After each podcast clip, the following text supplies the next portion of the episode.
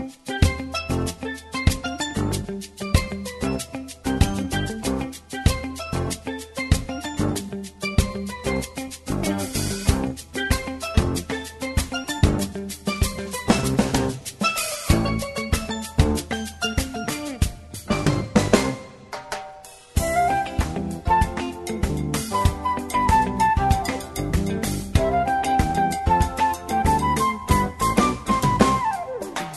Her hever du morgonshendingsna og Bilge Langt. Og derfor er vi det at tåsa om etter hvordan kunne vi kristne tåsa av en viljan hatt om evne fostertøka. Og vi får østene at høyre nekvanka og antalløyk, så ja, velkommen her vimmer og i morgon og Bilge Langt.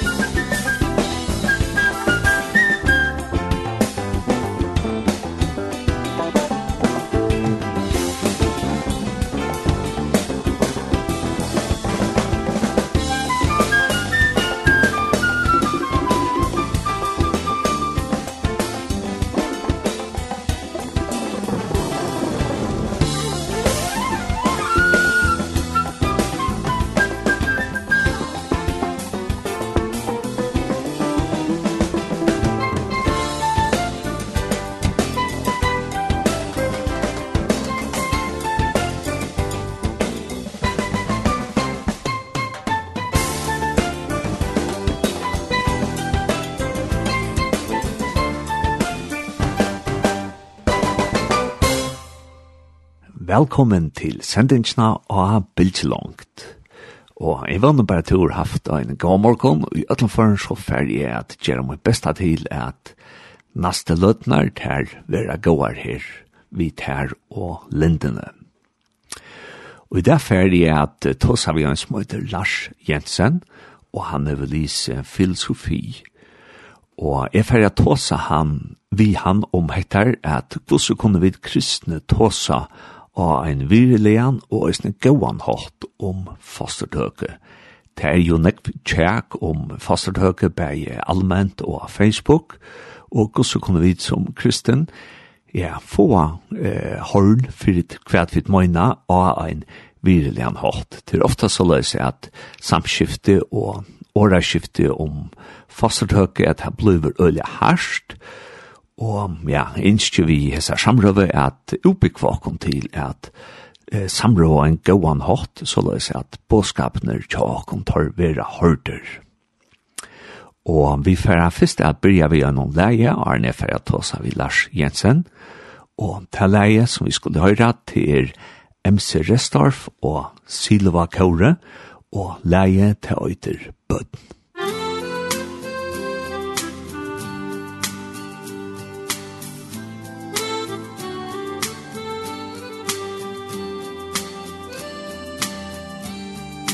Standi og egla je bøn Hui spela vi batar a lutlare tjørn Ta nervar ongan at ere her. Dei um spela berti vas er fær. Ta vi skui ber leida dei hai Visum fyrir tæm. Time Urvalt til manna Heit et lakar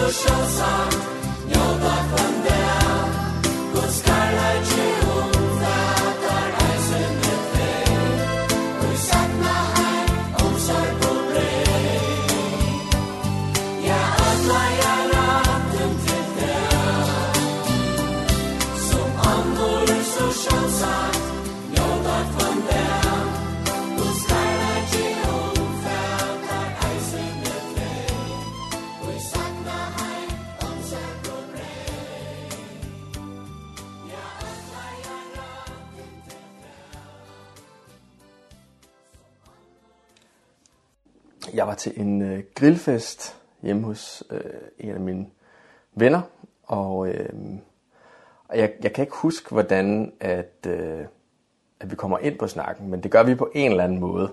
Øh, det, det bliver nævnt sådan, ja, sådan ganske kort i en... Altså, vi sidder rundt om bordet og hygger og spiser, og, øh, og så er der en, der kommer med en eller anden hurtig bemærkning omkring abort. Og, øh, Og der, øh, der kan jeg huske, at jeg indvender eller lige tøver, og jeg tror måske, jeg prøver at, at nuancere den øh, udmelding, der kom der om bordet. Og øh, altså, øh, min, øh, min vens kæreste går bare øh, altså lige på. Altså, jeg kan mærke, sådan, hun bliver, hun bliver udfordret af, at, at jeg udfordrer hende på, på det her abortspørgsmål.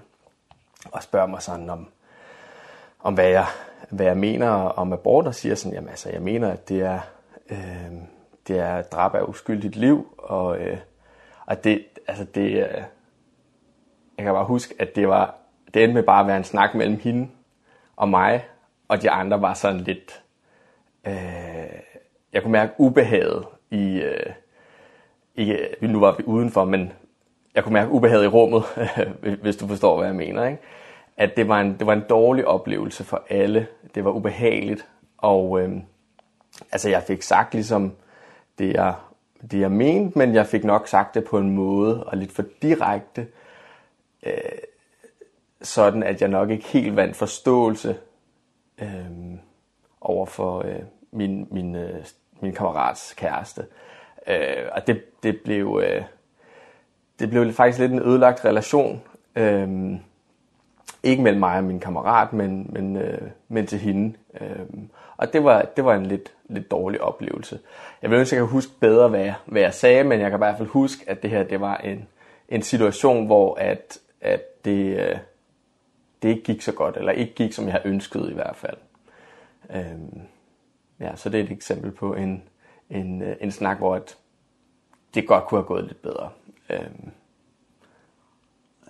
Og vi skal i dag snakke litt, måske litt mer overordnet enn det der eksempel, men vi kan måske gripe tilbake til eksempel noen ganger. Mm. Vi skal snakke om, om abort som et apologetisk emne, og, og jeg har Lars Jensen her, han er kendt med i filosofi og retorik, og arbejder i øjeblikket i KFS, Og så er han tilknyttet det her Center for Kristen Apolitik i menighedsfakultetet i Aarhus, men han bor så over i Københavnsområdet.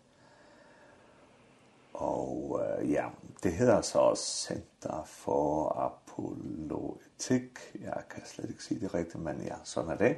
Center for Kristen Apologetik, ja. ja.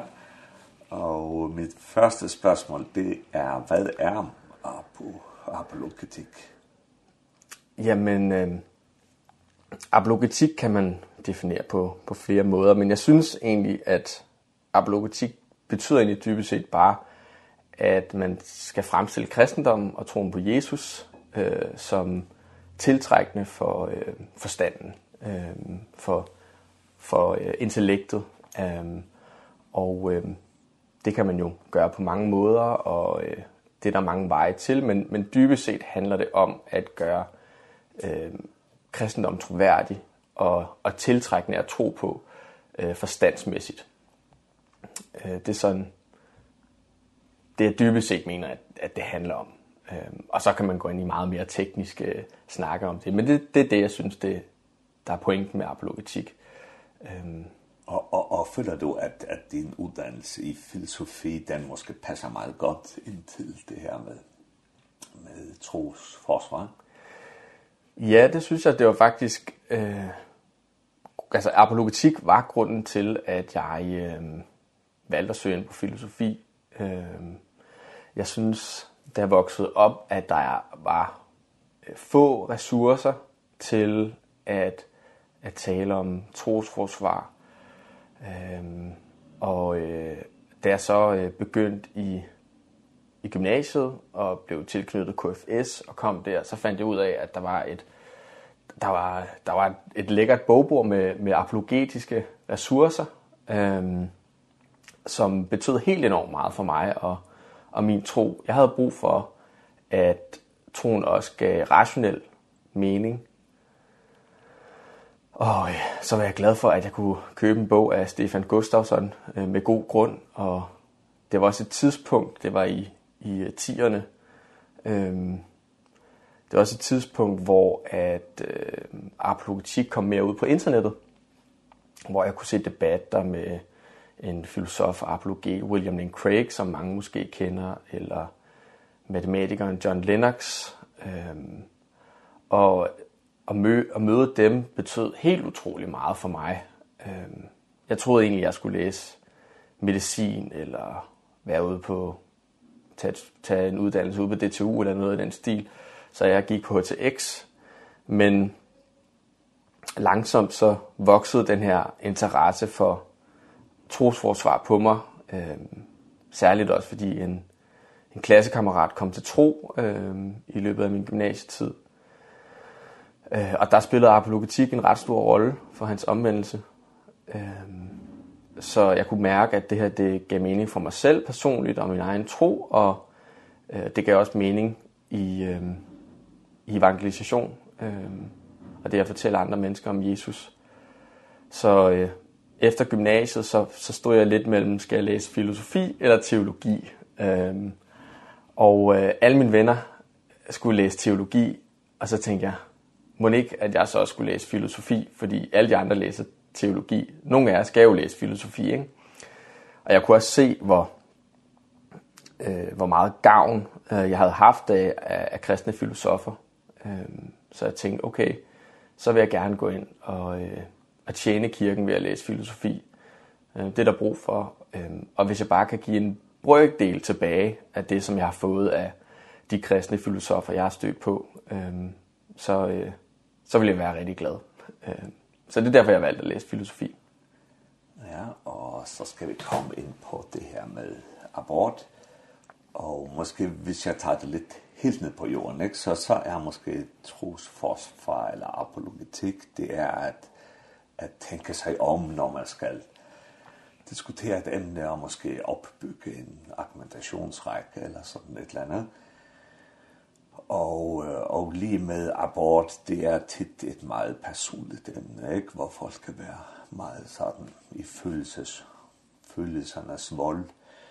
Og, og derfor tænker jeg med abort som et apologetisk emne, øh, virkelig som apologisk greb eller tanker eller metode måske er, er måske giftig, når man, er sammen, man, som man kan få noget ud af, når man skal sidde og diskutere abort, synes du?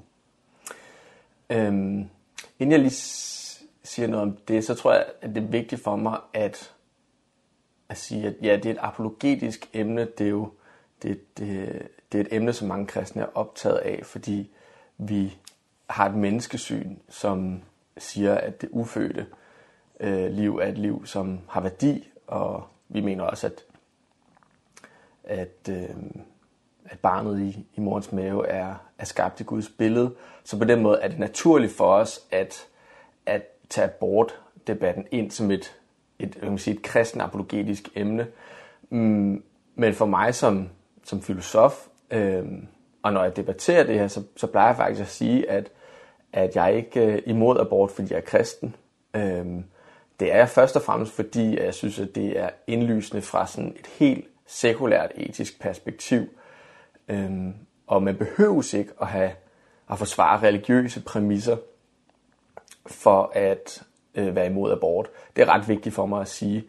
Så når jeg diskuterer abort, så så så så taler jeg aldrig om religiøse præmisser. Jeg siger aldrig nogensinde at mennesket er skabt i Guds billede, fordi det er øh, man kan, eller jo, man kan sige, det er lidt et greb, når man skal snakke diskussion. Jeg tror ikke, du kommer så langt øhm, i den samtale, hvis det forudsætter nogle kristne øh, antagelser øhm, for at komme til konklusionen, at abort er forkert.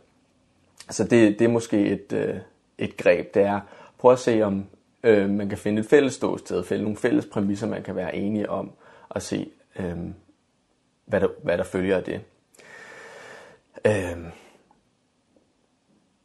jeg tror, jeg vil starte med at sige, at det er godt først og fremmest at lytte, og lytte meget opmærksomt, når snakken kommer på abort. Øhm, vi, vi er typisk så gode til at tale og, og bryde ud og komme med en masse påstande og argumenter, men det, jeg tror, det er godt i den her øhm, diskussion at starte med at, at lytte og høre, hvad er det, de andre egentlig siger, øhm, hvad deres præmisser. Prøv på at forstå øh, dem, hvor de kommer fra, forstå de ord, de bruger, øh, og spørge nysgerrigt ind til, øh, altså, og så stille en masse spørgsmål. Hvad mener du med det? Hvordan er du kommet til den konklusion? Øh, og prøve på at være der, inden at vi selv kommer på banen og kommer med påstanden. Øh, det er... Øh, det er ret nyttigt at at vente med at, at komme med påstanden, fordi så snart vi påstår noget, så skal vi også forsvare det. Så snart vi påstår noget, så, så er det os, der er i et varmt sæde, og så er det os, der skal forsvare os. Og hvis det er, man måske ikke er helt tryg ved det, øh, så er det altid trygt at være og bare lytte og stille spørgsmål. Så længe du, du bare lytter og stiller spørgsmål, så skal du ikke forsvare dig, så er du ikke i det varme sæde. Øhm, og hvis de så spørger dig, jamen, hvad din holdning til abort, så kan du måske hurtigt sige, jamen jeg umiddelbart så så så så synes jeg at at at det er forkert, det eller jeg jeg er imod det eller jeg har forbehold. Ehm men det er ikke noget jeg sådan er klar til at forsvare eller være en diskussion om. Ehm men det er noget jeg tænker meget over. Ehm eller hvis du så ved lidt mere om det, og du sådan har har lyttet og stillet de spørgsmål du gerne vil, øh, så kan du måske komme på banen og komme med dine, dine argumenter og dele det. Øhm, øh, en anden ting, jeg også har erfaret, er øh, nyttig i diskussioner, og det er jo ikke kun i abortdiskussionen, det er at lytte til, øh, hvad din modpart siger, eller din samtalepartner siger, og, og se, at bekræfte alle de ting og aspekter, som du kan være enig med.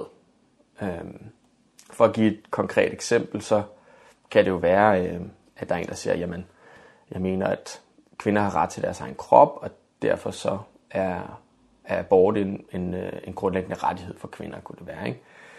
Øhm, så vil jeg i, i den situation sige, at jeg er faktisk enig i, at kvinder har ret til deres egen krop.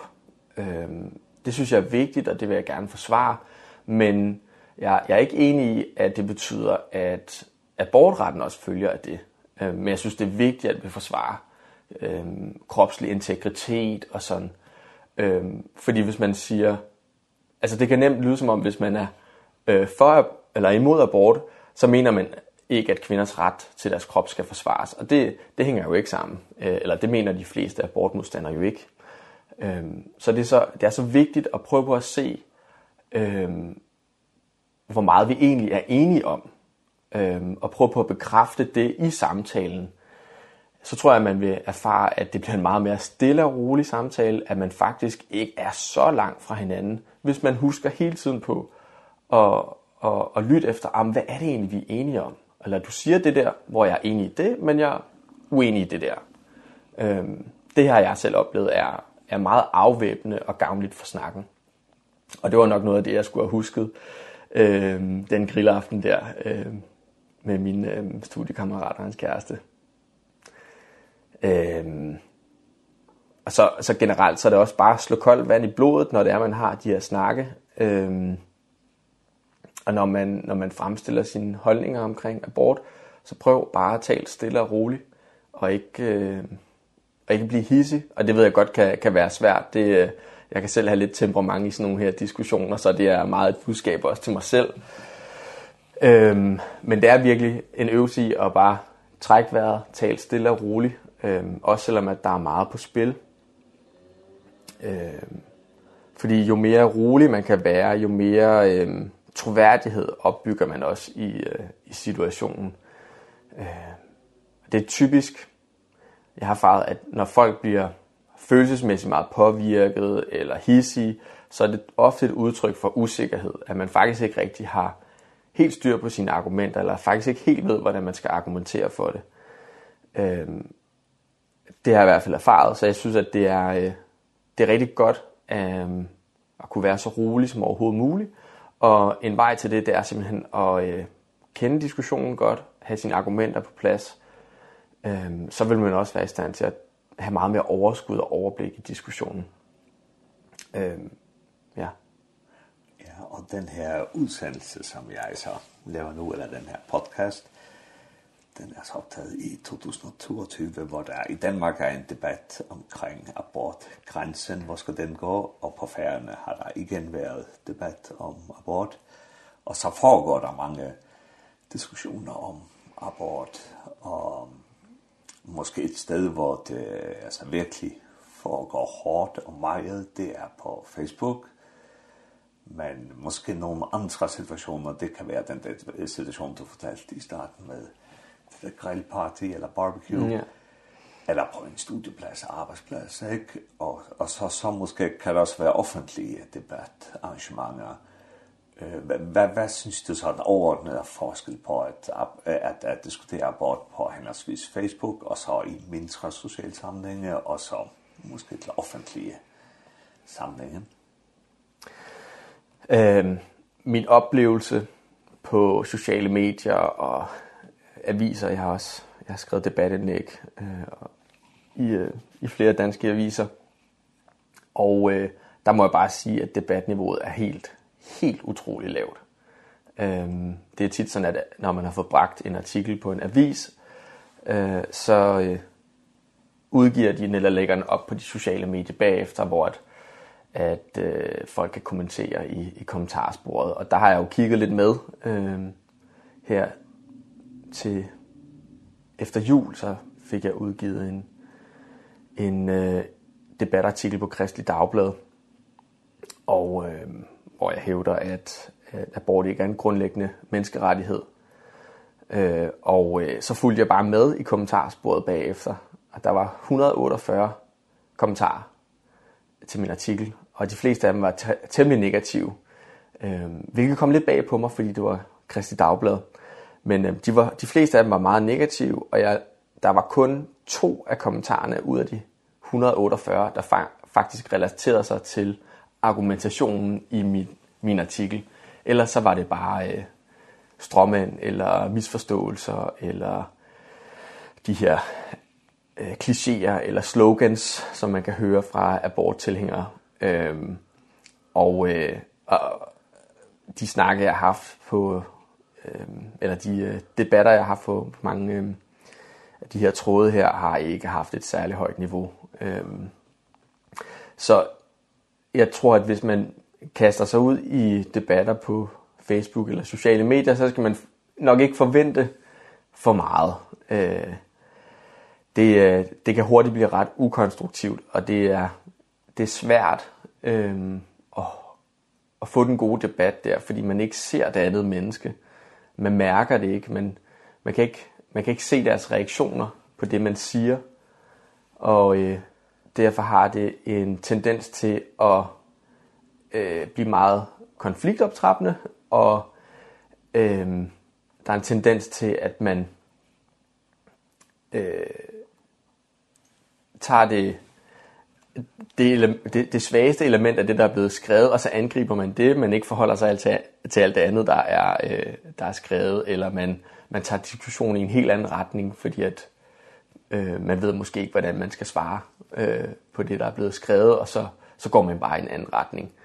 Ehm og afspore debatten. Det synes jeg typisk øh, sker. Det er meget svært at holde en fokuseret diskussion på, på Facebook. Ehm men det kan også være ret. Det kan også være konstruktivt, men det er svært. Fordi når du er på de sociale medier, så ser hele verden med. Og hvis du taber en debat der, så mister du ansigt. Så er det svært at være ærlig og sige, ved du hvad, du har en god pointe. Jeg tager, jeg tog fejl. Det det det det er vi mennesker er ikke sådan super gode til. Øh, specielt ikke når der er andre der kigger med.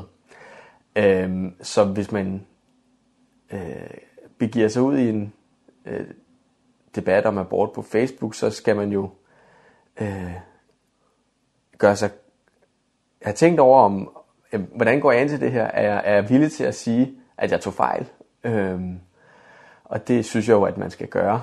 Ehm vi skal være sandhedsvidner som, øh, som kristne.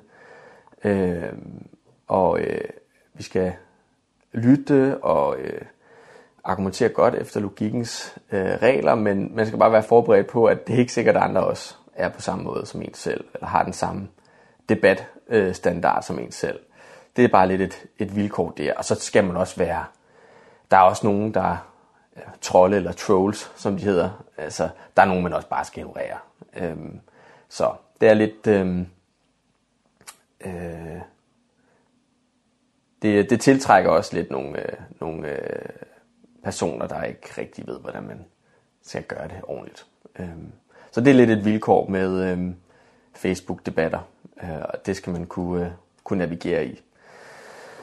Øh, og prøve på at lade, lade være med at hoppe med på vognen og at fortsætte den dårlige debatstil. Øhm, og så skal jeg lige have spørgsmålet igen. Øhm, ja, inden jeg tager det næste, så kunne jeg lige tænke mig at, at spørge, at, at øh, det første, som du snakkede om, eller til det forrige spørgsmål, ikke? så, så ser du meget med det her, at lytte til den, du snakker med, og lidt at være ydmyg, som jeg forstår det. Mm og så siger du, at, at når man diskuterer her på Facebook, ikke, at, at, at så, så går det så hurtigt.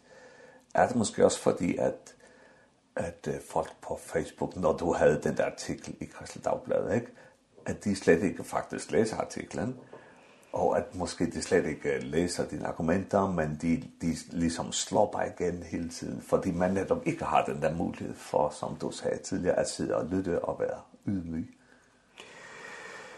jeg overvejede faktisk, altså jeg jeg blev jeg blev faktisk lidt forarvet. Øh, jeg blev lidt overrasket over altså altså næsten 150 kommentarer og ikke en eneste forholder sig til min argumentation eller hvad var det to? Øh, men de to der forholdt sig til det jeg havde skrevet, det var ikke noget centralt i øh, i argumentationen. Det, det var bare en eller anden altså kommentar som vedrørte noget af det jeg skrev, men ikke argumentet. Ehm så så jeg var simpelthen ret forbløffet over det, og jeg tænkte, okay, står det så skidt til, og så gik det op for mig, okay, måske er mange, har mange af de her mennesker overhovedet ikke læst artiklen, de har bare læst overskriften. Øh, så det er jo en mulighed, at der er nogen, der faktisk slet ikke altså orker at sætte sig ind i øh, en kort debatartikel. Det er jo, det er jo også, det kan også være det derfor. At, og jeg tænker måske at, også i diskussioner på Facebook, hvor man kun læser hinandens måske hovedsætninger. Præcis. Og så griber du til tastaturet igen, ikke? Præcis. Altså man er man er så hurtig til at at skrive noget. Altså man skal jo lige vide at det man skriver, det er jo der jo potentielt ude på nettet for evigt, så man skal jo virkelig altså tænke over hvad det er man skriver, ikke også fordi du kan måske slette det igen, men andre kan tage et screenshot af det du har af det du har skrevet, så man skal altså overveje hvad det er man hvad man skriver, når det kommer ud på nettet. Altså lige, lige tænke sig en ekstra gang om. Altså husk at være mild, og husk på, at øh, der er andre, der... Altså, øh, hvad vil... altså, hvad vil min... Øh, hvad vil min kone eller min mor og far tænke, hvis de, de læste det her, ikke? Altså lige nogle gange, lige reflektere en ekstra gang over, øh, øh, inden man, man trykker enter. Og så tror jeg også, at det har noget at gøre med, at det er abort er en det er et emne, som, og det er måske også noget, vi kommer til at tale om lidt mere øh, senere, men det er jo et emne, hvor at mange har en, øh, det er en holdning, som folk holder ret stærkt fast på. Og det kan vi måske komme øh, ind på senere, hvorfor at vi holder så stærkt altså, fast på, øh, på den holdning. Ehm det kan hurtigt blive sådan lidt skyttegravskrig. Øh, jeg kan huske, der er en Øh, der er en podcaster, der har talt lidt om øh, entrenched øh, positions. Altså vi kan have nogle øh, overbevisninger, som vi har, i, som er entrenched, som vi har i skyttegrav. øhm, og øh, vi er ikke særlig villige til at ændre de overbevisninger.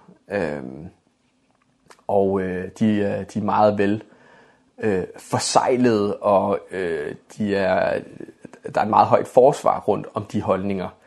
Ehm så at skulle angribe dem, det er at gå ud på ingenmandsland og øh, så så skal man nok forvente at man bliver skudt ned. Ehm og man får møder rigtig meget modstand. Og det tror jeg er tilfældet med abortspørgsmålet. For rigtig mange mennesker så øh, så er det et øh, den overbevisning de beskytter i øh, skyttegrave.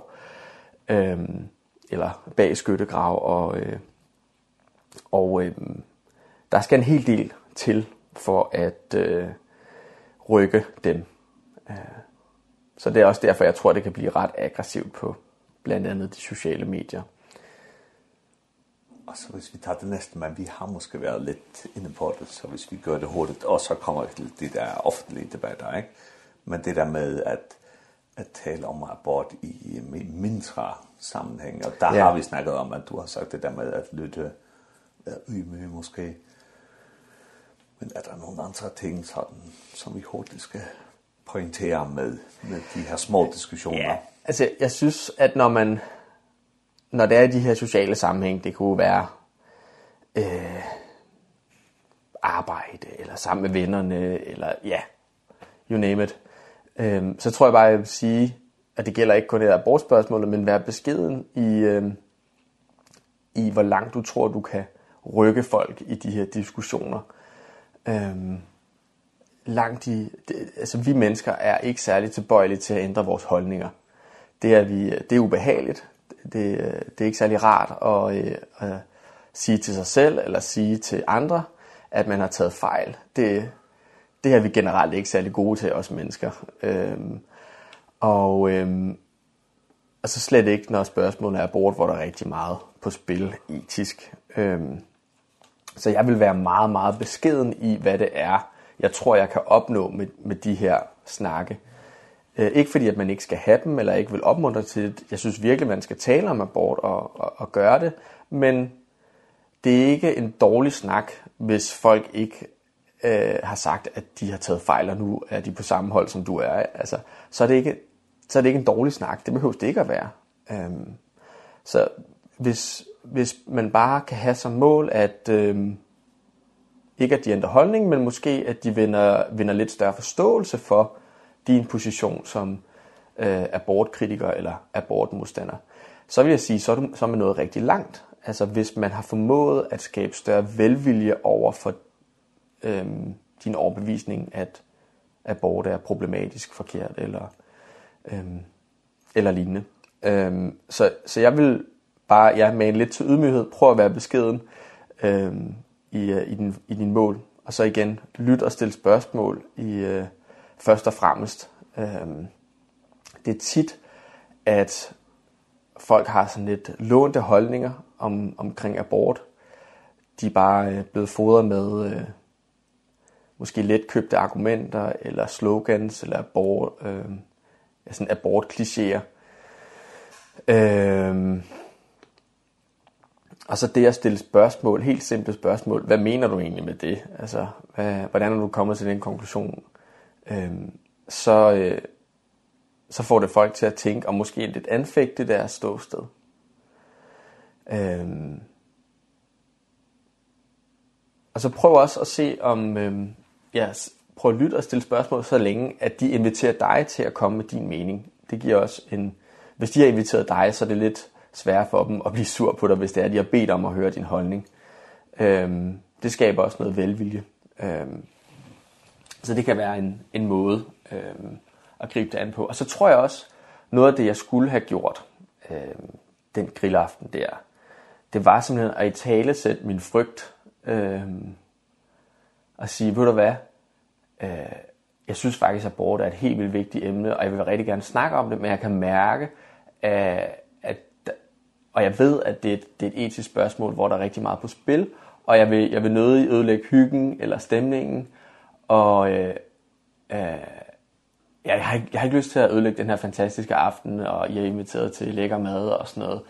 Øhm, så jeg, jeg ved ikke, om, om det er det rigtige tidspunkt at snakke om, jeg vil gerne, eller altså bare lige, bare lige adressere, at man, at man faktisk, jeg har ikke lyst til at sige, øh, jeg er bange for at støde eller gør jeg ked af det med mine holdninger, men men jeg har nogle måske lidt kontroversielle holdninger til det og det vil jeg gerne dele, men men jeg har ikke lyst til at det skal gå ud over vores venskab. Ehm og og bare lige at sige det kan bare være enormt afvæbnende. Og og så kan de også se, okay, der er et menneske bag holdningen. Ehm og øh, og det her menneske holder faktisk af mig, også selvom vi måske er enige om det her. Og uenige om det her. Ja. Og, og, og det var faktisk det du sagde, ikke? att det var lite det som skete den aften at du fick ødelagt eh relationen til... Ja, min vens kæreste der, ja. Din vens kæreste, ja. Og, og hvis nu det ikke var en kristen, så, så mistede man ligesom den kontakt, hvor man ja. senere kunne fortælle om Jesus, ikke? Ja, præcis, lige præcis. Øhm, ja, så, så jeg tror bare, det havde, det havde gjort en forskel, hvis jeg bare lige havde sagt, ah, ved du hvad, jeg, altså jeg har jo nogle nogle nogle nogle holdninger til det her, men ved du hvad, jeg er simpelthen bange for at jeg gør dig ked af det eller sådan. Altså og så selvom det jeg vil jo ikke sige noget andet. Jeg vil ikke ændre min holdning af hensyn til hende, men det det bliver bare modtaget anderledes, hvis det er at hun mærker mit hjerte. Ehm og det det tror jeg simpelthen kan gøre en stor forskel. Ehm at det her det handler ikke om at vi skal øh, fortælle folk at de er forkerte eller øh, få dem til at føle ubehag, øhm, fordi vi er uenige med, med deres holdning, eller med nogen, måske nogle af deres valg. Øhm, det, er ikke, det er ikke det, det handler om. Øhm, så øh, og det, det tror jeg er vigtigt, at man får i talesat. øhm, at relationen er, er vigtig. Øhm. Og så hvis vi kommer til øh, den tredje slags kommunikation, som man måske kan have, det er mere offentlige debatarrangementer. Det kan måske være politiska partier, der arrangerer et arrangement, og så bliver man budt med som en del af Provita måske, eller noget andet. Eller det kan være KFS måske, der tager mm. det op. Og så skal man stå og debattere. Eller det kan også være de her feministiske øh, foreninger, ikke? som mm. tager det op. Er, er, er der nogle ting, som du tænker, at man skal tænke på, hvis man, hvis man har sagt ja til at stille op til sådan et offentligt debatarrangement om abort? Ja, altså man skal have styr på sine argumenter. det er nok det allervigtigste. Man skal simpelthen have, have kendskærningerne øh, på plads, fakta på plads, og øh, øh, ja, altså man skal jo vide, hvad man snakker om. Altså hvis ikke, at du er kvalificeret til at, at gå ind i en offentlig debat, så skal du holde dig væk. Altså, for der, der er jo rigtig meget på spil i det her. Øh, så skal du have et, et, et hjerte, der skal et hjerte for øh, de ufødte, og et hjerte for øh, mennesker, øh, som har været involveret i abort. Øh, jeg tror, det er vigtigt, at man ikke udtrykker sig hadfuldt øh, og aggressivt, øh, fordi så øh, mister man al velvilje. Altså, så kan det godt være, at du har de rigtige argumenter, men du har tabt debatten, hvis det giver mening. Man kan have nok så gode argumenter, men hvis man fremstår utroværdig eller øhm, umenneskelig eller ehm hvad siger man Eh ukærlig, så øh, så be, så behøver så falder ens argumenter fra hinanden.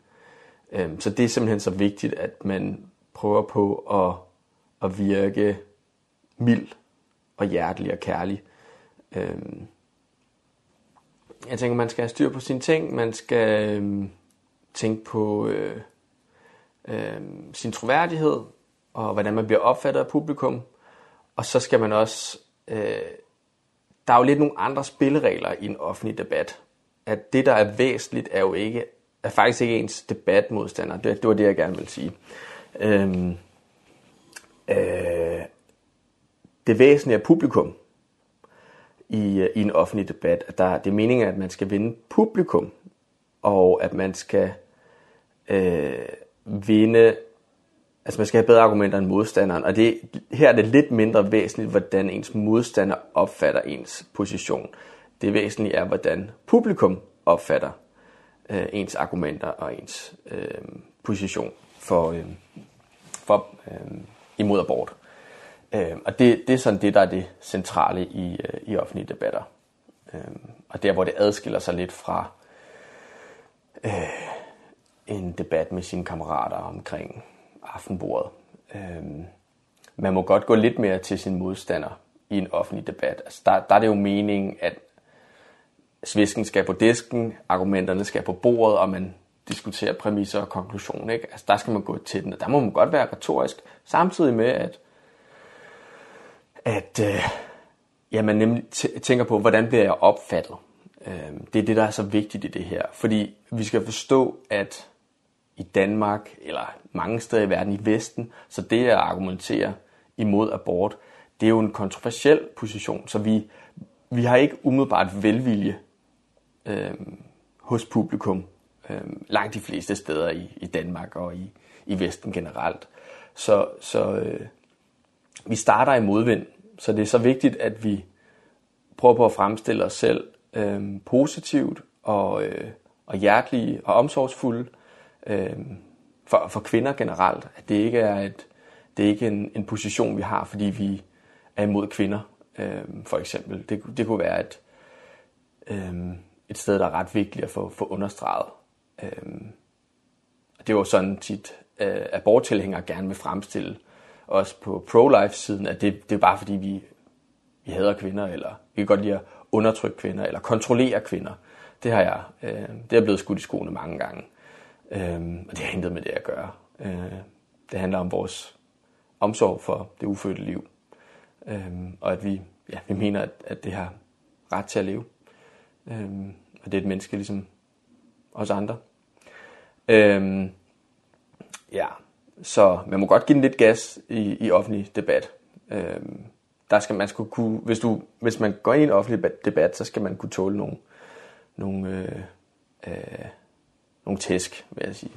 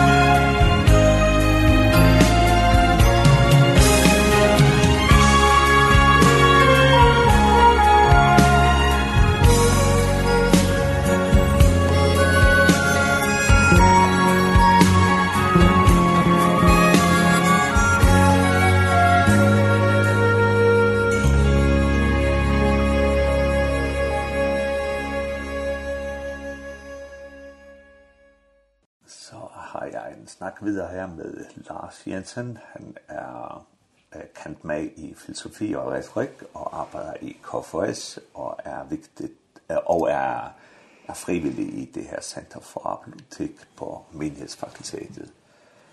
Og vi snakker om det her med at øh, diskutere abort og trosforsvar omkring det. Eh ja, og, og vi har tidligere, for den her sang vi hørte, så har vi snakket om, at man kan måske diskutere både abort på Facebook og en til en lidt mere, og så måske også i offentlige debatter. Og et, som jeg selv har observeret, det er, at når man diskuterer abort, så bliver det tit ligesom, det er min mening, og den anden siger, det er min mening, ikke? Og det vil sige, at, at en sådan en en virkelig dialog kommer måske aldrig i gang. For det bliver den der, jeg tror nok du til har snakket om det som en skyttegravskrig. Ikke? Mm. Hvorfor tror du, at, at, at det bliver så meget? Det er min mening, det er min mening. Mm. Men jeg tror det er fordi, at der er, øhm, der er så meget på spil på forskellige planer. Øhm, personligt er der utrolig meget på spil i det her spørgsmål. Det handler jo om, altså mener vi, at, at fostret, øh, det ufødte barn, har, har ret til liv? Er det, har det moral status? Øh, er det et menneske? Ehm og øh, øh, hvis det er det, så, så kommer der jo eh vi kommer ikke udenom, at der er et skyldspørgsmål her. Og det skyldspørgsmål er ret massivt, fordi ehm det handler jo om, dybest set om, og det kan være voldsomt at sige, Eh og det er ikke noget, jeg kan lide at sige, men det handler om faktisk om drab af uskyldigt liv. Det er, at det er virkelig barske sager, det her. Ikke?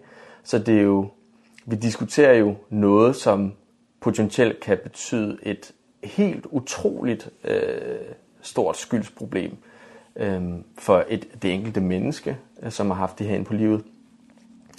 Øh, vi kender jo alle sammen nogen, som har fået en abort, øh, så det kan være, at man, man ikke selv øh, har fået udført, udført en abort, eller ens kæreste ikke har.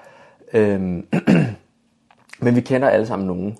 Så hvis, hvis jeg nu, lad os sige, at jeg, jeg er for abort, og jeg skulle ændre mening, så betyder det, at jeg lige pludselig faktisk øh, skal tænke lidt anderledes, eller man, man skal tro, man skal tænke lidt anderledes om dem, som har fået udført en abort, og sådan. Altså, det, det, det, det er ret omkostningsfuldt Altså øh, det her øh, hvis jeg hvis jeg nu bliver pro life øh, så så alle mine venner som har fået udført aborter, hvad vil de ikke tænke om mig? Øh, hvis det er den konklusion jeg kommer til, ikke? Altså der er et enormt socialt pres. Øh, eller ja, hvis man selv har fået udført en, en abort, ikke? Altså øh, så skal så kommer man til konklusionen at man har taget uskyldigt liv. Altså det er virkelig øh, svært og tungt at bære på. Øhm, og så er det jo også sådan, rent samfundsmæssigt, så er det jo et kolossalt problem. Altså, vi, der er cirka 15.000 aborter øh, i Danmark om året, og øh, det er jo en stor samfundsmæssig skyld, vi bærer rundt på, hvis, hvis vi har ret herover på øh, pro-life-siden. Øhm, Så hvordan hvordan koper man med det? Hvordan håndterer man lige det som et samfund? Ehm og på verdensplan er det jo endnu større. Det er jo millioner af aborter om året. Ehm på verdensplan. Det er jo jeg plejer at sige øh, til øh, til folk at det her det er jo et altså kosmisk stort problem.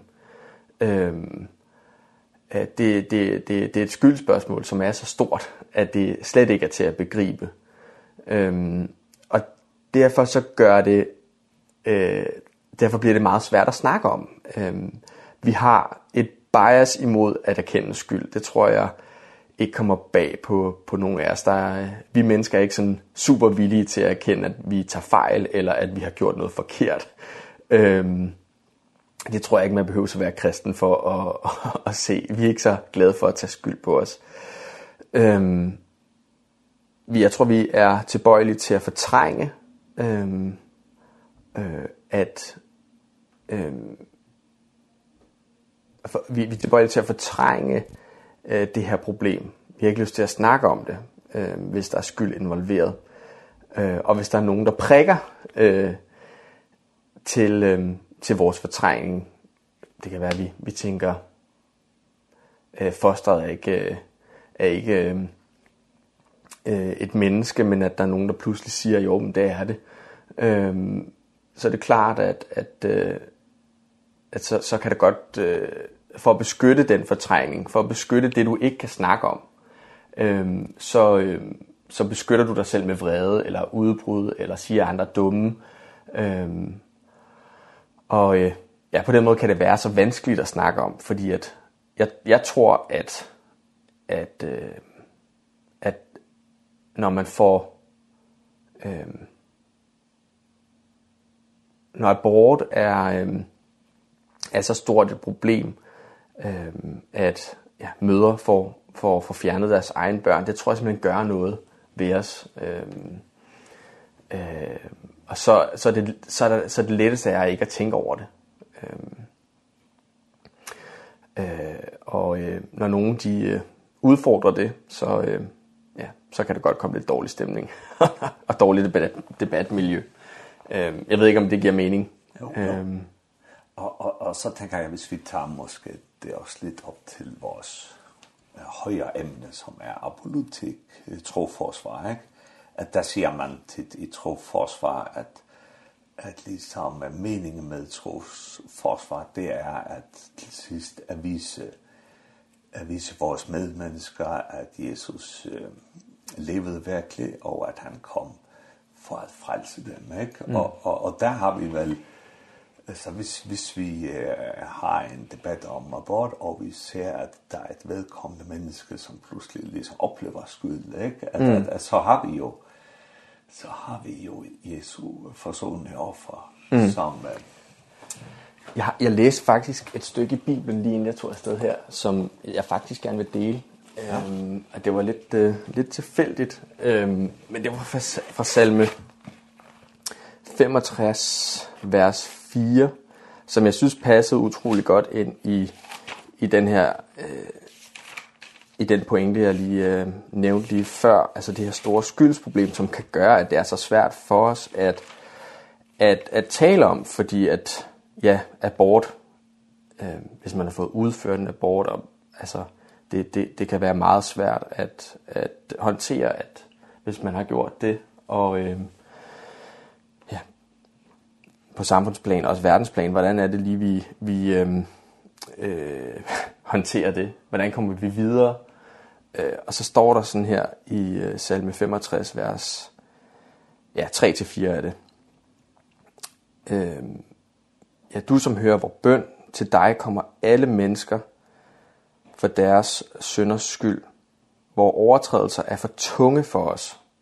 Altså det er lidt det her, altså, og det er jo ikke kun abort, altså, men nu er det jo bare lige det, vi snakker om. Der er så mange ting i livet, som kan være svære at snakke om, og som kan være betændte og skabe øh, dårlig debat, øh, fordi at der er så meget skyld involveret, som der står her. Altså vores overtrædelser er for tunge for os. Øh, det kan jeg i hvert fald godt mærke i mit eget liv, at jeg har overtrædelser i mit liv, som er egentlig er for tunge til, at jeg selv kan bære det. Og så slutter det af med, men du tilgiver dem. Altså, og det er det gode budskab, vi har som kristne. Øh, og det er også derfor, at det ville være rigtig fint, hvis vi kunne i de her snakke ende et sted, at jeg faktisk ikke ude på at, øh, at dømme dig ud. Øh, jeg er faktisk her for at kalde dig ind. Øh, Og øh, det har vi øh, Guds ord for, at øh, selv de overtrædelser, som menneskeligt set er alt, alt for tunge til, at vi kan bære dem, så er der en, der kan bære dem, og det er, det er Jesus, det er Gud Herren her, som tilgiver det, som er for tungt for os. Os, dem, der har fået øh, foretaget abort, og dem, som udfører dem. Øhm, så er der tilgivelse for alle, som øh, bekender sin søn. Øhm, og det synes jeg bare var, øh, Jamen det var det var det var lige det jeg havde brug for at læse i dag. Ehm det var et godt vers, ja. Lars.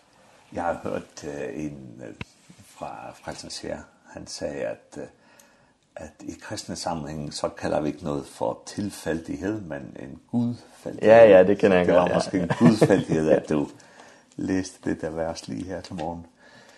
Uh, ja, og, og så nu har vi snakket om, at, at tit kan det liksom blive, det er min mening, og det er din mening, og så den her skyttegravskrig, ikke? Og, og når man har så forskellige udgangspunkter med mm. abort, hvor, hvordan skal man så gribe det andet system, når en er kristen og ligesom begiver sig ud i den her diskussion? Mm. Altså jeg vil prøve at tage, ja som jeg sagde før, lyt, stil spørgsmål, prøv på at identificere øhm, alle de steder, hvor man kan være enig, og øhm, øh, og skabe den bund af, ven, af velvilje.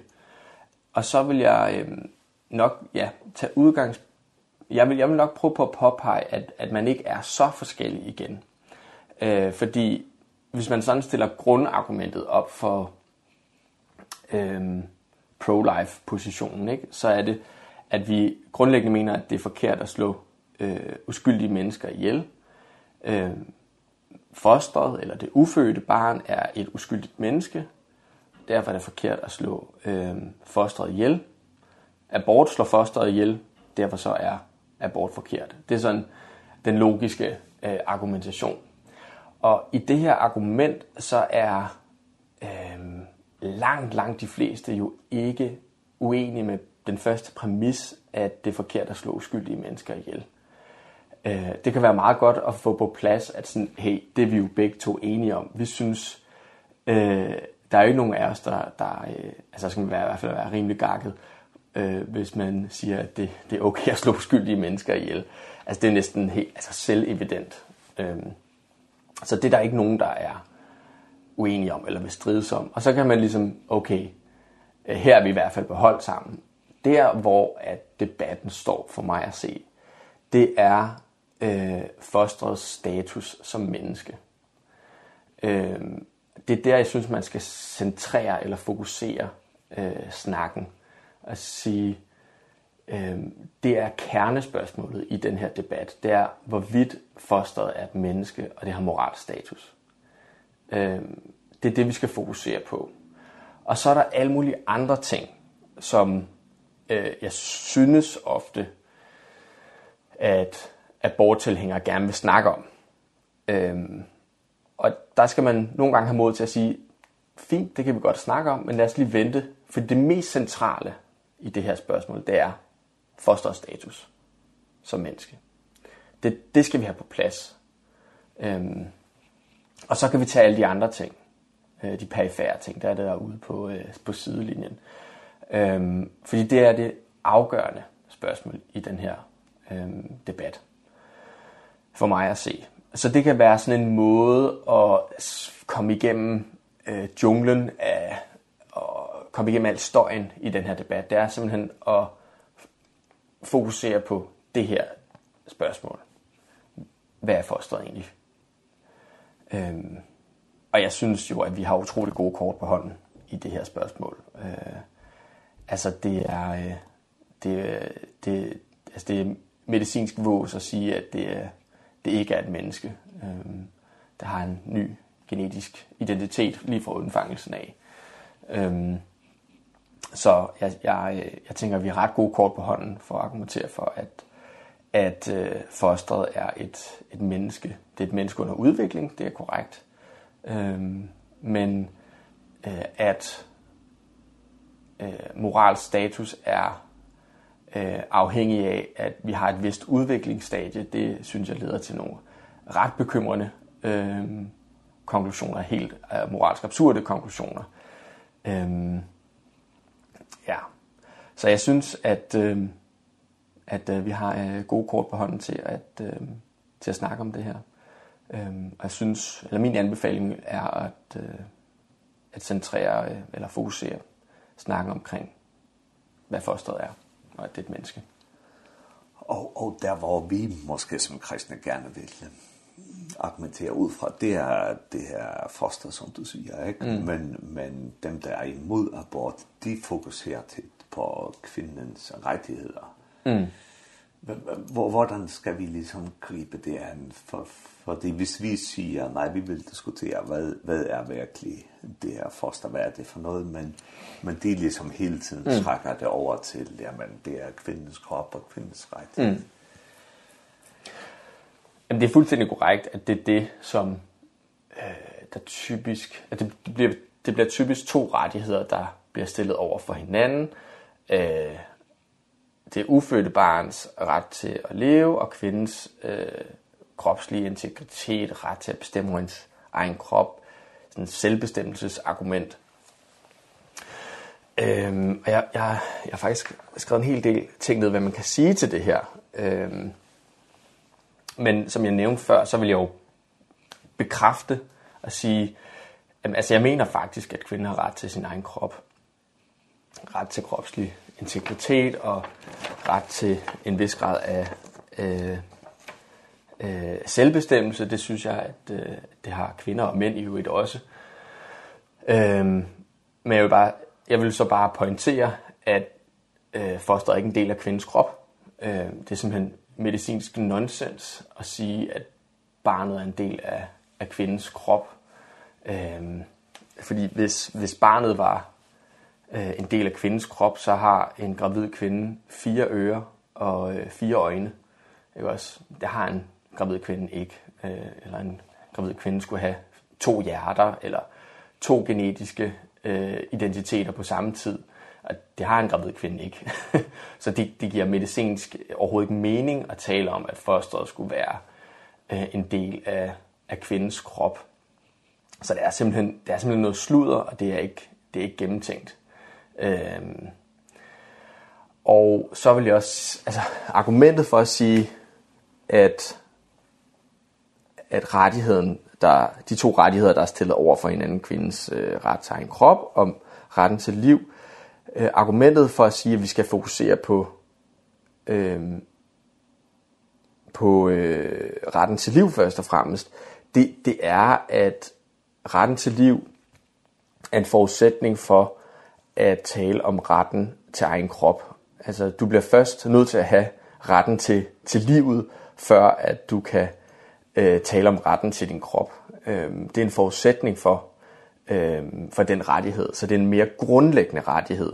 Altså livet er nok en af de allermest grundlæggende rettigheder. Ehm og hvis hvis den rettighed er troet, så er nærmest alle andre rettigheder også troet. Ehm så så så derfor giver det ikke mening at kvindens ret til ens egen krop kan kan trumfe øh, et andet individs øh, ret til til livet. Ehm så er det noget helt skævt øh, etisk set. Så rettigheder er altid vægtet. Ehm der er nogle rettigheder der er tungere end andre, og for mig er det helt indlysende. Altså selvfølgelig er retten til livet tungere end en retten til sin krop. Og så er retten til kroppen i øvrigt også en rettighed, som er begrænset. Eh og det synes jeg også er ret indlysende. Eh retten til ens egen krop betyder ikke, at vi kan gøre øh, hvad som helst med vores krop. Det er en rettighed, som er begrænset. Jeg kan ikke bruge min rettighed til at... Altså, jeg, kan, jeg, har, jeg har ikke lov til at bruge min krop til at skade dig, Johannes, for eksempel. Det, det må jeg ikke. Ehm min ret til min egen krop stopper ved grænsen til min næstes krop. Det vil sige, at den gravide kvindes krop, ehm hun har ikke beføjelser til at gå ind og bryde øh, barnets ret til sin egen krop. Altså det er der grænsen ligesom går. Ehm så det er ikke en ultimativ ret. Hvor at fordi at jeg har ret til min egen krop, så kan jeg gøre hvad som helst med min krop. Ehm den går ikke. Og så i øvrigt har vi også pligter over for os selv. Altså jeg har øh, ikke lov til at gøre hvad som helst med min krop, selvom jeg har ret over, over min egen krop. Altså jeg har ikke ret til at gøre selvskade, øh, mener jeg, at man kan lave et ret godt argument for. Øhm, og de fleste, jeg tror også de fleste vil, vil sige, at, at, øh, at mennesker, som gør selvskade, skærer i sig selv, eller øh, andre lignende ting, at de, de, de gør noget, de ikke bør gøre. Øhm, Øhm. Og så den sidste ting, jeg vil nævne, det er, at de fleste, eller jeg, jeg får tit skudt i skoen, du vil bare kontrollere kvinder. Øhm, og så siger jeg, okay, men synes du, at vi skal have senaborter? Skal vi have aborter lige op til før fødslen? Er det, er det moralsk legitimt? Det tror jeg, de fleste, der er nogle enkelte hardcore filosofer, øh, der argumenterer for det. Men jeg tror, langt de fleste mennesker synes, at det er moralsk forkasteligt, at øh, du kan ikke øh, abortere øh, et barn øh, lige op til fødslen. Det er, det er umoralsk. Og så siger jeg, nå okay, men, men hvis, vi ikke skal, hvis du ikke går ind for senaborter, så øh, hvis ikke vi skal ophæve abortgrænsen, så går du også ind for at øh, begrænse kvinder og kontrollere kvinder, så at sige. Øhm, Så ehm vi, vi, vi, der er ikke nogen af os, der mener, at vi er fuldstændig frie. Øhm, der er, vi prøver alle sammen på at kontrollere hinanden på en eller anden måde. Og det, det ligger i etikken. Altså, det er i, i, altså etik handler om at begrænse vores adfærd. Øhm, og jeg tror, alle kan se, at, at vi ikke har fuldstændig øh, kropslig frihed. Øhm, og øh, de fleste synes ikke, at abort, abortgrænsen skal være fuldstændig fri. Så øh, alle øh, går ind for at kontrollere kvinders krop i en eller anden forstand. Øhm, og så tror jeg også, at jeg tror, vi skal se fostret. Det er den sidste pointe, jeg har her. Øh, nu øh, stopper jeg snart min øh, lange, lange talestrøm her. Men, øh, men, men jeg synes, det er et billede, der er ret fint. Øh, Og det er, at fosteret skal ses som en patient, som er koblet op på life support. Altså, øh, fosteret er ikke en, der er nogen, der siger, at det, der bruger billedet, at fosteret er en, øh, en parasit, og derfor har den gravide kvinde ret eller lov til at fjerne øh, den fra hendes krop. Øh, jeg tror mere, at vi skal se på fosteret eller det ufødte barn som en, en patient, som er koblet op på life support. Øhm, og fosteret er afhængigt af moren. Det er et medicinsk fakt. Øhm, men det er ikke noget argument for, at, at donoren eller moren øh, har ret til at slå øh, patienten eller barnet i, ihjel. Altså hospitalsvæsenet har jo heller ikke lov til at slå øh, coronapatienter ihjel, bare fordi de er på respirator. Altså, så afhængighed gør ikke, at at man får en moralsk ret til at slutte en andens liv. Ehm så så bare fordi at at øh, barnet hænger sammen med moren og er, er afhængigt af moren, så giver det ikke nogen moralsk eller etisk grund til at at afslutte det liv. De de beføjelser har den gravide mor ikke. Jeg synes faktisk lige modsat, altså når jeg hører det her argument at at fordi at det her barn er skrøbeligt, afhængigt, det giver jo en etisk grund til netop at beskytte det. Vi lever jo netop i et samfund, hvor vi heldigvis tænker, at vi har moralsk pligt til at beskytte dem, der ikke kan beskytte sig selv. Øhm, men af en eller anden grund, så gælder det ikke de ufødte i Danmark, og det er lidt øh, uforståeligt for mig at se. Øh, eller i hvert fald ikke særlig etisk sammenhængende, at, øh, at vi ikke tænker sådan. Det burde være indlysende, at... Øh, at dem, der ikke kan beskytte sig selv, øh, de har et ekstra særligt moralsk krav på beskyttelse. Øh, ja. Ja, og nu er vi i 2022, og der har været en debat nu om, om den her grænse for abort, ikke? som er 14 uger nu. Jeg tror, det er 12 uger 12 i Danmark. uger, ja. Og, og man diskuterer så i Danmark, om man skal går længere op med den, ikke? Ja. Øh, så, så, så jeg kan i hvert fald se, at der er ligesom en fornyet debat omkring abort, som det så også har været på færgerne. Vi står i en lidt anden situation, men debatten er meget parallel, synes jeg. Øh, kan du som måske filosof og, og har læst retorik, kan, kan du se noget nyt, som ligesom er i den her debat, som er kommet op nu i, i 22 i forhold til tidligere år? Altså jeg tror at det der er at der er flere ting der er nye, men noget jeg bemærkede er at der er en bred anerkendelse af at abort er et problem. Jeg tror tidligere før jeg blev født, ehm nu skal jeg ikke gøre mig for klog på det, men jeg har fået indtrykket af at tidligere så var abort ligesom øh kulturelt set eller den den den brede holdning var at det var selvfølgelig en en rettighed, og der, der, der var ikke som sådan et etisk problem. Øhm, selvfølgelig har det altid været en pro-life-bevægelse, der har, der har protesteret, men, men der var øh, en større tilslutning til, at selvfølgelig øh, var det her ikke et, et etisk problem. Og sådan er, det er ikke mit indtryk længere. Øhm, der er ligesom en, en voksende øh, kollektiv samvittighed, der bliver lidt udfordret lige nu. Og jeg tror også, at det har noget at gøre med, at naturvidenskaben har gjort så mange landvendinger, vi forstår altså, øhm, altså embryologi så godt, og altså fostret dets udvikling og alt, hvad det kan, og sådan. Altså, det er jo... Øh, øh, altså, det er, jo, det er jo så veludviklet allerede for, for 12 uger, ikke? Altså, og jeg tror, at det anfægter folk og deres syn på abort. Øh, at vi ved så meget om fosteret, og... Øh, Så jeg tror, der er en, en lidt anden indstilling til det. Ehm og så, hvad vil du sige? Ja, nej, nej, måske jeg tænker de her, du siger både, at, at man ved meget mere om fosters udvikling, men så har vi i de sidste jeg ved, 10 år har vi set de her film, hvor, hvor der er det her kamera, som er inde i kvindens mave, ikke? Så vi Også det, ja, ja. kan ligesom se fostrets udvikling, altså meget sådan direkte. Ja, helt i detaljer, ikke? Altså, det er jo, ja altså det, det, og det, så jeg tror ligesom, der er en, en kollektiv bevidsthed, lidt ændret indstilling, sådan, det her er, er ikke uproblematisk.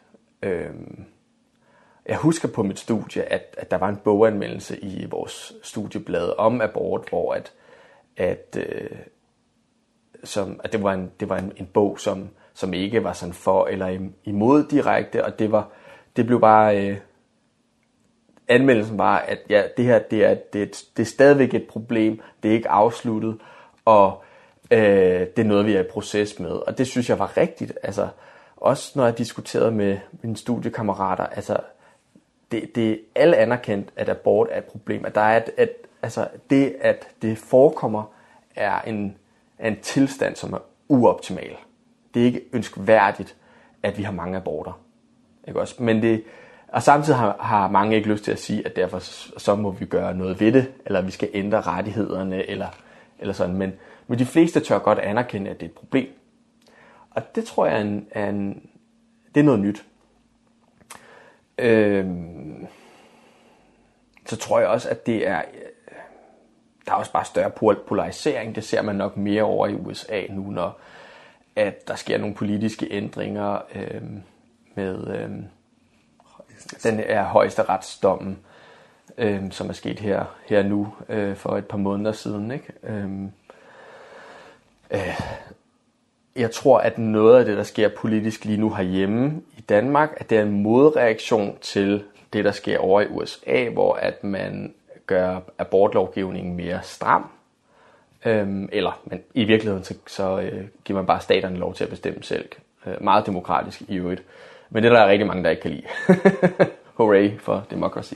Øh, men ehm og så tror jeg, at vores tilbøjelighed i Europa er at lave en modreaktion øh, imod det, der sker i, i USA, fordi de er vores...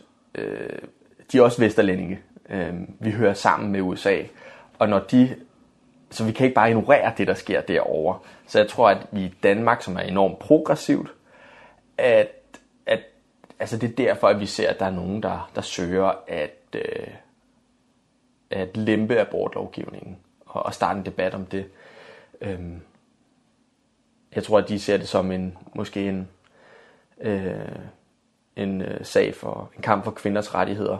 Ehm ehm globalt, de ser det globalt, at hvis de strammer over i USA, så må vi lempe herover. Kunne jeg forestille mig. Ehm så inde i alt det her identitetspolitiske og wokeism, så har jeg erfaret i hvert fald i debatkulturen, at øh, det, det er simpelthen et argument, jeg har, øh, eller jeg ved ikke, om man kan kalde det et argument, men jeg har bare hørt flere og flere gange, at øh, hvis du er mand, og særlig hvid, så har du ikke lov til at udtale dig om, øh, om abort, fordi du kan slet ikke sætte dig ind i det, eller... Øh, øh, du har slet ikke, du har ikke ret til at tale ind i, i det her emne. Det, er, det er et kvindeemne, ikke også? Og det er jo selvfølgelig fuldstændig øh, håbløst at sige sådan noget. Altså, jeg, jeg har endda, der var en, der skrev en klumme øh, som modsvar til mit, øh, et af mine øh, debatindlæg. En mand, der sagde, at jeg ikke havde lov til at have en holdning til det her. Og jeg tænkte bare, du er jo selv en mand. Eller jeg, han sagde, jeg havde ikke ret til at udtale mig om det her, indtil at jeg skiftede køn og kunne, øh, at kunne blive gravid en dag, hvis videnskaben tillod det en dag. Altså, det er simpelthen, sorry, nu bliver jeg lidt grum, det er simpelthen noget af det dummeste, jeg har hørt længe. Specielt når det kommer fra en mand selv. Ikke? Så har han jo heller ikke altså, lov til at have en mening om abort. Altså, han har ikke lov til at forsvare abort. Altså, og når kvinder siger, øh, bruger det samme argument, altså, så spørger jeg, jamen, er du så også imod, at mænd forsvarer kvinders øh, abortrettigheder i Danmark? Er det forkert af dem at forsvare din position. Og jeg plejer at sige, jamen, altså min kone er 100% enig med mig. Øhm, vil du nu forholde dig til mine argumenter? Altså fordi det bliver bare sådan et røgslør. Et røgslør for ikke at øh, tale om argumenterne. Øhm, så det, det, er, øh, det er bare en afledning øh, for ikke at forholde sig til debat. Og det er spild af tid, må jeg sige. og så siger jeg bare, ja, så, så, så må du snakke med min kone. Eller du kan forestille mig, at det, jeg har skrevet nu, det er min kone, for hun mener præcis det samme. Det er meget spændende, Lars, men tiden den begynder at ligesom at slutte for mig. Ja. Og øh, jeg tænkte det sidste spørgsmål, og så er vi måske tilbage med øh, apologetik lidt, at, øh, at selvom man diskuterer et emne, ikke? så er vores opgave som kristne, det er at fortælle om Jesus og hans frelse og hans rige. Mm. Og øh, ja, og, og, og hvordan kan man øh, måske i en diskussion om et emne som abort, hvordan kan man så alligevel vise Jesu kærlighed og noget, selvom man måske er meget grundlæggende uenige, som vi tit er i abort spørgsmålet.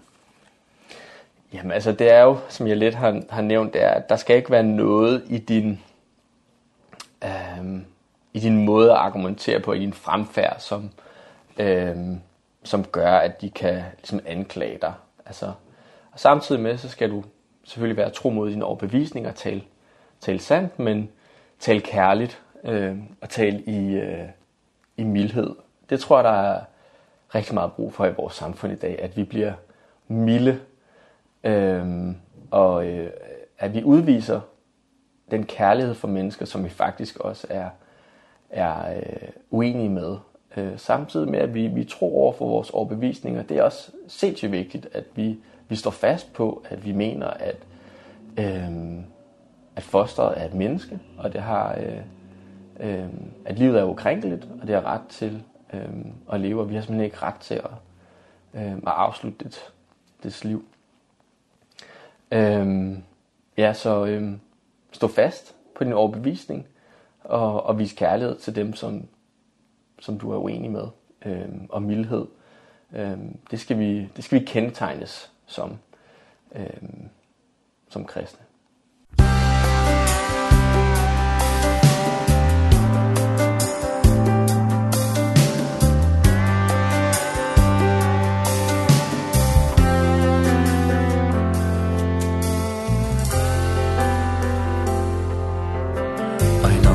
sendur bær. Ur himlen og nøyn bær Jeg finna øyne tju Vi kundu bera tær. Jeg tørra lukla bær Vi kjøtta fuas før Syna jeg vi vant først vær og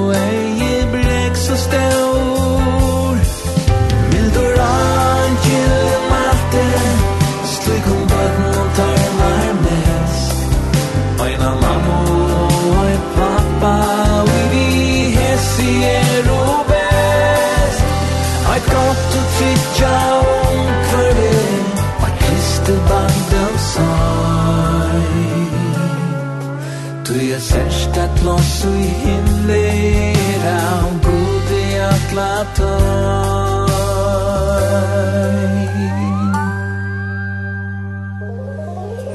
Kjøtese man kjilfa i tratt og gæra sted Her mamma neide god og papen alt i pæ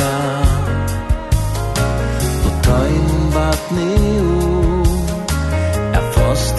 lighty Who are someone I know that I'm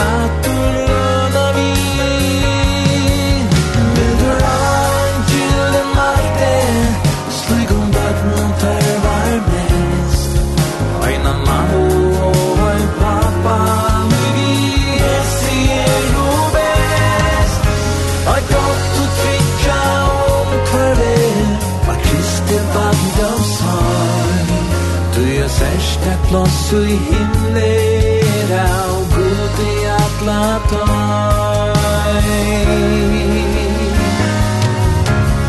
Just detta du klappat Nu i mitje beta vær Mest glede tøy og vann Og størst og signing vær Og hess og sorgen Light og rønden Vær så svar Kristus tackar jag och kyrka glädje tar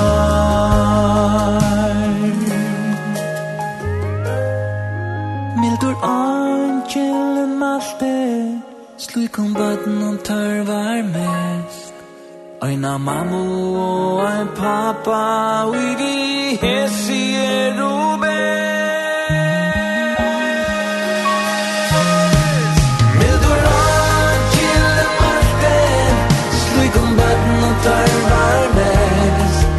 Eina mamma Hai mamalu, hai papa, vi hessi er og best.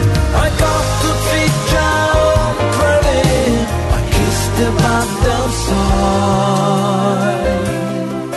Du er sørste plås i himmelig Av god i atler tog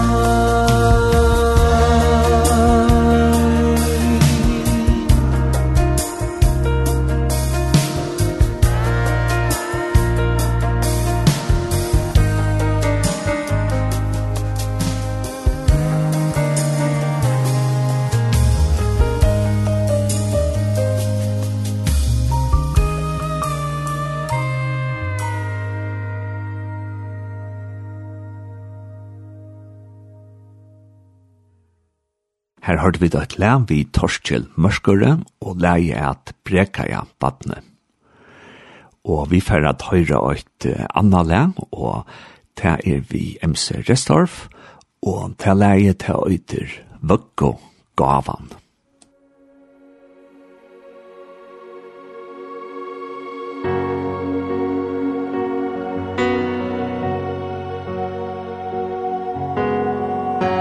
Ta ut våre bortar vøk og gavur. Ankur vi kjerda lutse sa Torstrik vi kjerde på noen gavurnar Og skaparen honom gav gav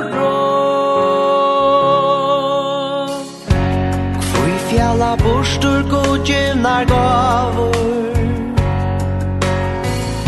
Tär hon tjea rokna vera ta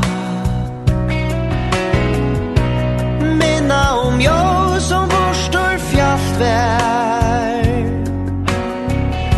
Så hon ga gläm och nägar sa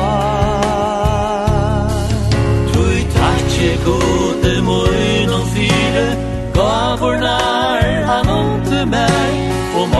Välkomnar ären vitast förskaparen Tack för det där Tack för det där